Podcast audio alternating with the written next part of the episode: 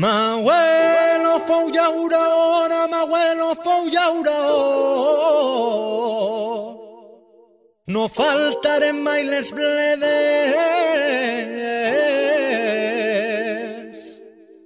I ara que ja sóc padrí, que vull ser llauró. I asfalt damunt d'eixes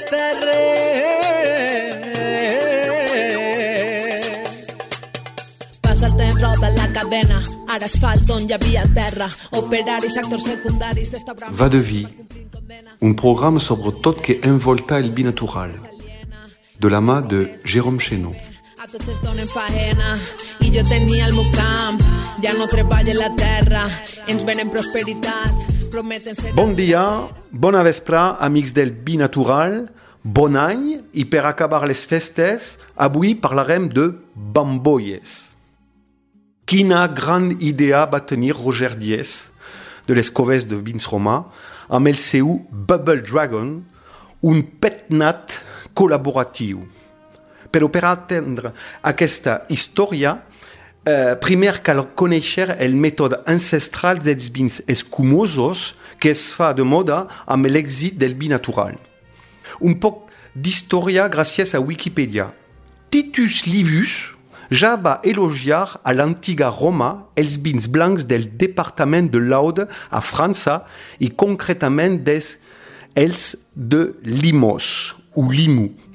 Malgrat no eren encara efervescents, de fet, l'historiador romà els va definir com a vins de la llum, blancs, fins i afruitats. Des de llavors, diversos escrits certifiquen que la fabricació i l'exportació d'ampolles de vi blanc precedent de la regió i al llarg de l'edat mitjana s'observa que de vegades alguns vins es tornaven espontàniament efervescents. Aquest fenomen va ser constatat per els monjos benedictins de l'abadia de Sant Hilari l'any 1531 a partir de la transformació del vi blanc tradicional de la regió. Fet que faria de la blanqueta de Limos el vi escumós més antic del món. Donc, ancestral perquè és el procés original del vi amb bombolles que consisteix simplement en embotellar abans que s'acabe la fermentació alcohòlica. Ja sabeu que la fermentació del most produeix alcohol i CO2. Amb un ancestral o petnat que ve de pétillant naturel en francès, la veritat és que el vignataire té poc control sobre els sucres residuals o la quantitat de diòxid de carboni, CO2, és a dir que el vi és més o menys dolç i escumós. Hi ha una altra tècnica més fina, la méthode champenoise, per a fer cava o champagne, però és diferent. Uh, a dir, criem un blanc tranquil, sense bambolles, i fem una segona fermentació després haver afegit sucre, com mel, melassa o mos de raïm. Uh, les ampolles es guarden cap avall durant uns mesos, una bona temporada, perquè s'acumulen les mares, les lies dels llevats, sota la càpsula i es transforma el gas en bambolles. Després ve l'operació de degollament o desgorjament, que consisteix a rebentar el tap i extreure eixinar els pòsits. El vi perdut es compensa amb una altra ampolla que es col·loca una nova càpsula, el vi està preparat per estar venut.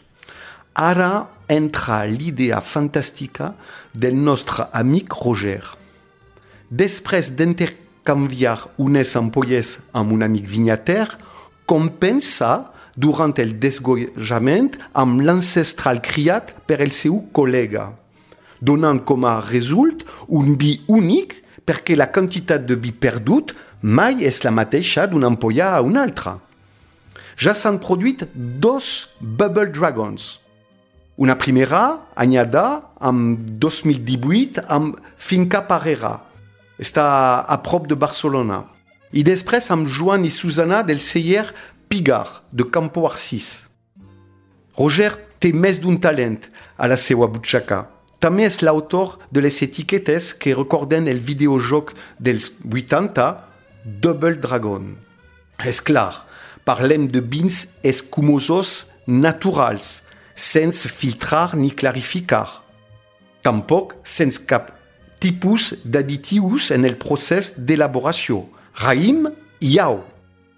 La idea de Roger ja està obrint camins i estan sorgint noves col·laboracions entre altres vinyaters. Això també és la filosofia del vi natural. Per acabar, escoltarem el Roger contar-nos com ha tingut l'idea del seu Bubble Dragon. Salut i bon any! Mira, jo la realitat és que la idea de fer un ancestral compartit amb, amb altres col·legues que, que fan vi va vindre en primera instància fa, va, pues, com farà 4 anys o 5 anys en una conya en Rubén Parera. I vam quedar que d'una manera d'una manera d'una altra pues, havíem de fer eh, havíem de fer alguna cosa els dos junts. Eh, com que el brutal era una cosa que, que sempre ens havia agradat, volíem fer una cosa semblant, com si féssim brutal, però, però només en, en ancestral, la versió ancestral, diguem, del, del brutal, amb la mateixa filosofia, és a dir, no, no se pot eh, afegir absolutament res i tal, i, i era una cosa que, que havíem de fer sí o sí compartida, per això en lloc de, de Double Dragon com el videojoc d'arcade que, que hi havia en, tots els, en totes les sales de, de, de videojocs abans, eh, vam decidir dir-li Bubble Dragon per el rotllo de, de les bombolles i tal i, i fer una cosa pues, compartida. I des d'aquell moment, eh, vull dir, la cosa no, no ha parat per un cas o per un altre, jo ja l'he fet dos vegades, la primera amb Rubén Parera i la segona amb, amb Susana i, i Juan de, de Pigar, després Rubén també l'ha fet amb, amb Antoine, bueno, no sé, amb la Lucy, la Lucy ara l'ha fet amb, amb la gent de Comalats, en fi, ara, ara està ja, ja rodant. I, bueno, vam tindre aquella idea perquè sempre fer un ancestral sempre és, és més divertit i a, a l'hora de petar-lo i quedar també per desgorjar, etc. Pues, eh, no sé, és un, un rato que fas de festa amb els amics i, i bueno, simplement, simplement això. I és una cosa que, bueno, feliçment s'ha, diguem que s'ha estès i ara, almenys a la, a la zona de, de Tarragona, de Barcelona i tal, pues se'n, se'n van fent, se va estenent i hi ha gent que, que ja porta dos o tres edicions i tal, i està molt bé. Però bueno, és, és això, simplement. Val?